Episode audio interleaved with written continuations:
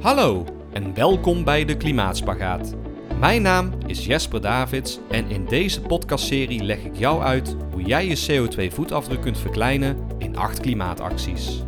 Ik probeer dit te doen door te vertellen welke rol Nederland speelt in het klimaatprobleem.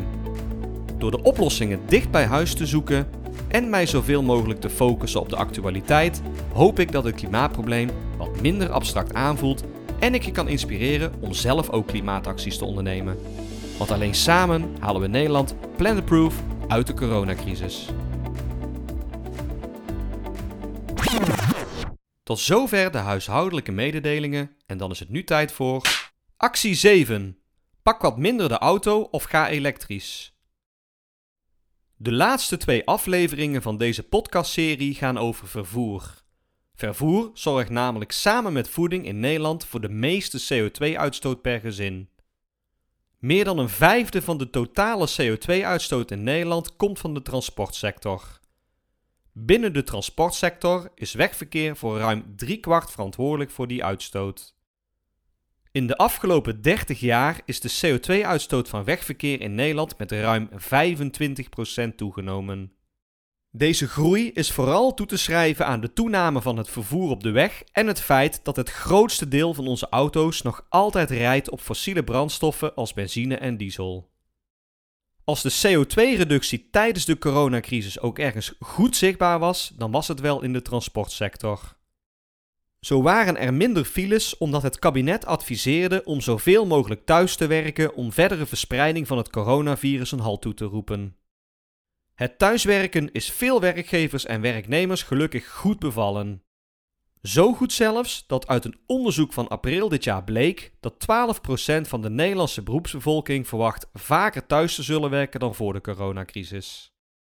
Als dit daadwerkelijk het geval is en mensen anderhalve dag in de week meer thuis gaan werken, dan levert dat een klimaatwinst op van bijna 353.600 ton CO2. Dat staat gelijk aan ongeveer 150.000 retourvluchten Amsterdam-New York. Kortom, de klimaatimpact van ons wegverkeer is gigantisch.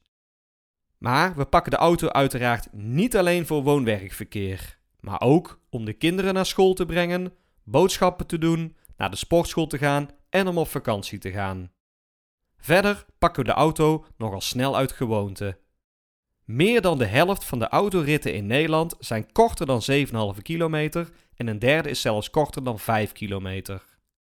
Daarbij zitten we vaak ook alleen in de auto. Een helemaal autoloos bestaan is voor veel mensen ondenkbaar, maar we kunnen wel bewustere kilometerkeuzes maken. En dat kan op veel manieren. Zo kunnen we besluiten om voor korte afstanden de auto te laten staan en in plaats daarvan de benenwagen of fiets te pakken. Dat is niet alleen beter voor het klimaat en je portemonnee, maar ook voor je gezondheid. Je kunt uiteraard een nieuwe of tweedehands fiets kopen, of je kunt ervoor kiezen om een fiets te huren. Denk bijvoorbeeld aan de OV-fiets. De OV-fiets huur je bij bijna 300 huurlocaties in Nederland, zoals bij de meeste stations, bus- en metrohaltes en PNR-terreinen.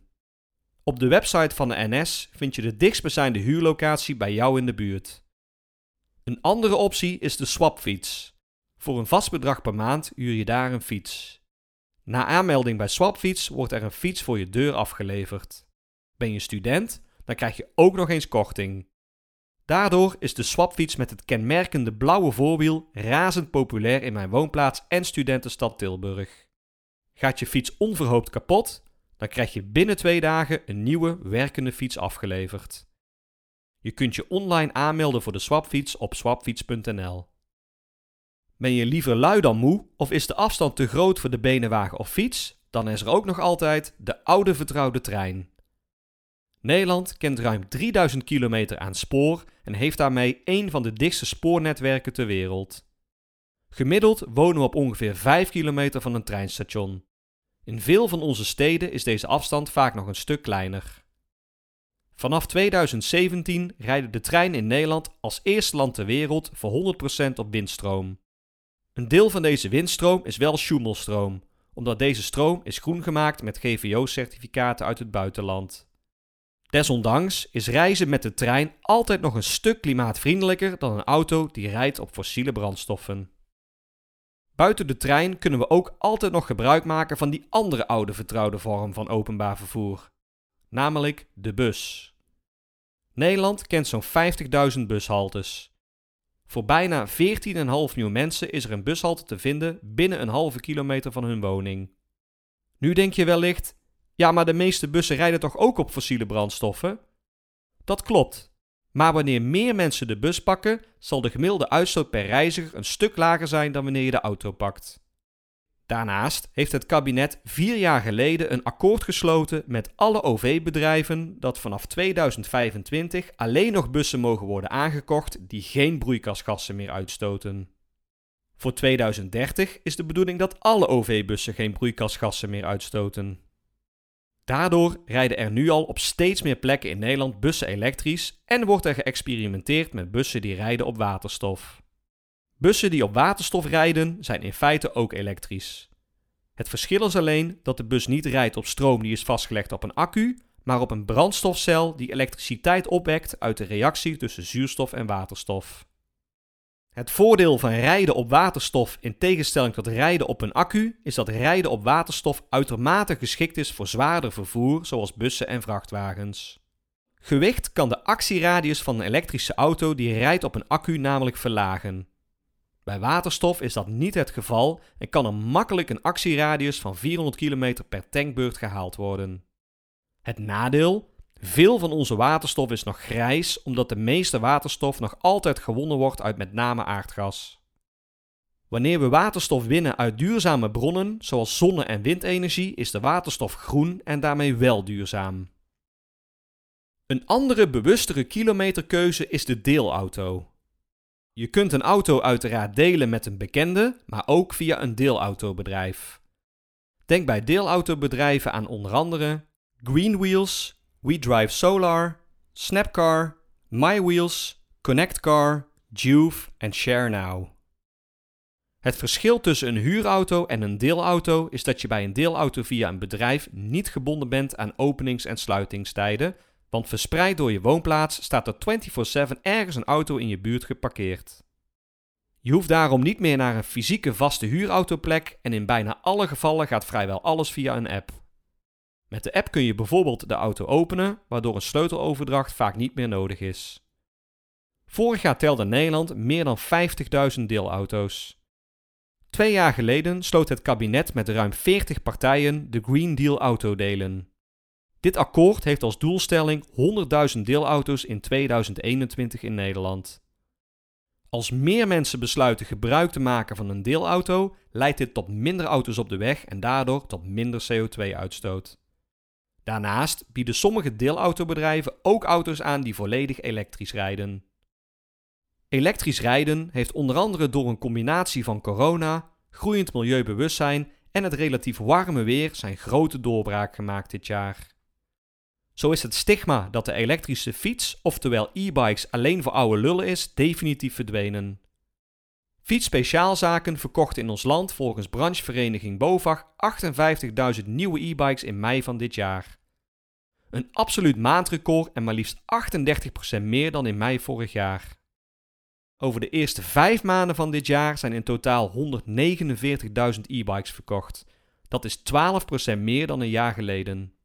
En dit zijn alleen nog maar de verkopen via de vakhandels. Verkopen via internet en bouwmarkten zijn in deze cijfers niet eens meegenomen. Dit jaar worden er ook nog eens voor het eerst meer fietsen met accu verkocht dan zonder. Ook de Speed Pedelecs, oftewel snelle e-bikes tot 45 km per uur, zijn dit jaar populairder dan ooit. Tot en met augustus werden er in ons land 3381 exemplaren verkocht, wat 37,5% meer is dan een jaar geleden. Fabrikant Bosch marktleider van de aandrijving voor e-bikes, verwacht dat binnen 10 jaar de helft van alle fietsen in Europa een elektrisch exemplaar is. Ook mountainbikes en zelfs racefietsen worden tegenwoordig steeds vaker voorzien van elektrische hulpmotoren. Verder groeien ook de elektrische brom- en snorfietsen, oftewel e-scooters, enorm in populariteit. Dit jaar zijn er al ruim 9000 e-scooters verkocht in ons land. Dat is anderhalf keer zoveel als heel 2019 bij elkaar. E-scooter sharing wordt ook steeds populairder. Op steeds meer plekken in Nederland duiken e-scooters op van bedrijven als GoSharing, Felix en Check. Het principe is nagenoeg hetzelfde als bij deelauto's. Je downloadt de app van het e-scooterbedrijf, klikt op de dichtstbijzijnde e-scooter en klaar is Kees. Met de app start je de e-scooter en zet je deze op slot, waardoor een sleutel niet meer nodig is. De betaling verloopt ook via de app. Mijn woonplaats Tilburg staat niet per se bekend als vooruitstrevend, maar ik vind het persoonlijk mooi om te zien dat de 150 knalgroene e-scooters van GoSharing die hier rondrijden nu al tot het vaste straatbeeld behoren en daarmee bijdragen aan de lagere CO2-uitstoot. Wat ook steeds meer tot het straatbeeld behoort zijn de volledig elektrische auto's, oftewel e-auto's. Dit jaar beslaat het aandeel e-auto's 10% van de nieuwe verkoop. Dit aandeel zal alleen maar meer worden, want de overheid wil dat alle nieuwe personenauto's die vanaf 2030 op de markt komen 100% elektrisch zijn. Amsterdam gaat zelfs nog een stapje verder en wil vanaf 2030 benzine- en dieselauto's helemaal verbieden in onze hoofdstad omdat de populariteit van e-auto's groeit en steeds meer overheden toekomstmuziek zien in elektrisch rijden als antwoord op het terugdringen van de CO2-uitstoot, is Tesla lang niet meer de enige fabrikant van elektrische auto's. Zo is dit jaar bijvoorbeeld de Kia e-Niro een van de best verkochte elektrische auto's in Nederland. En verder hebben tegenwoordig autofabrikanten van Porsche tot Audi en van BMW tot Skoda allemaal wel een dikke elektrische SUV of sportauto in het assortiment. Het aanschaffen van een elektrische auto kost over het algemeen meer dan het aanschaffen van een auto met een verbrandingsmotor. Maar een e-auto kent wel aanzienlijk lagere kosten in gebruik. Zo betaal je met een volledig elektrische auto tot en met 2024 helemaal geen wegenbelasting. Daarnaast is het opladen van een e-auto een stuk goedkoper dan het tanken van benzine of diesel.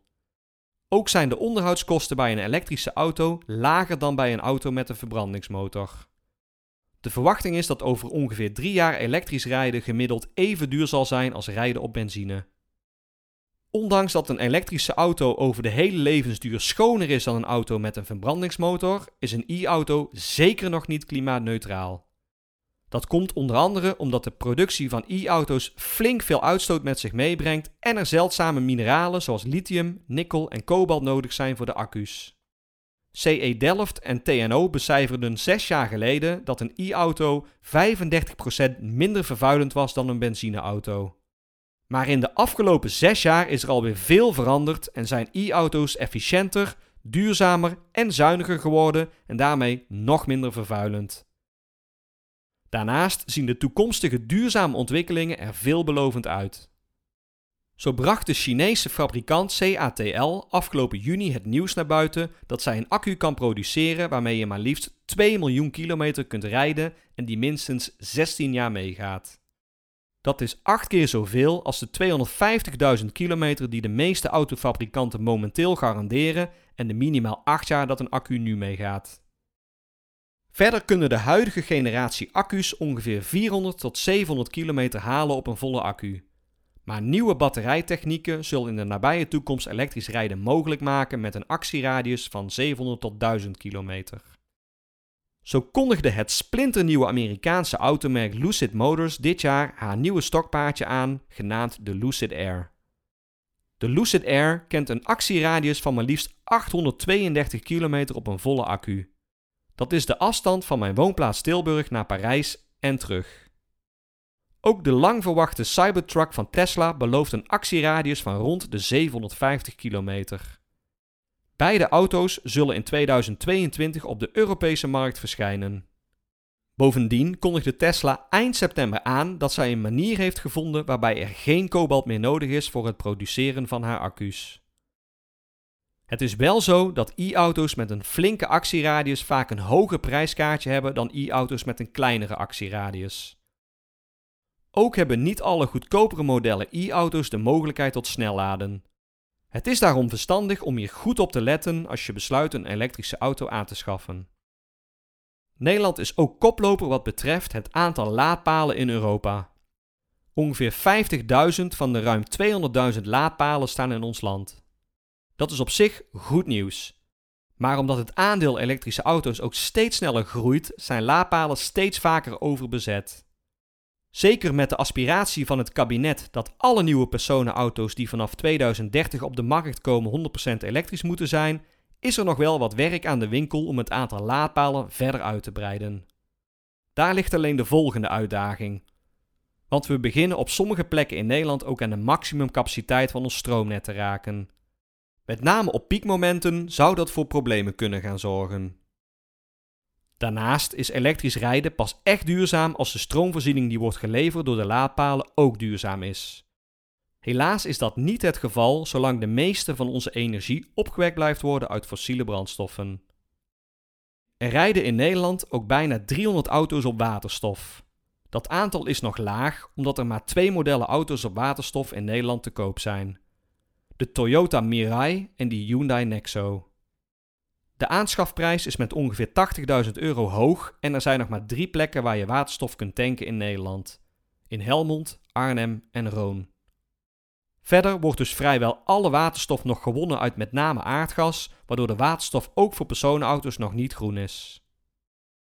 Buiten de volledig elektrische auto en waterstofauto kennen we nog drie andere semi-elektrische auto's.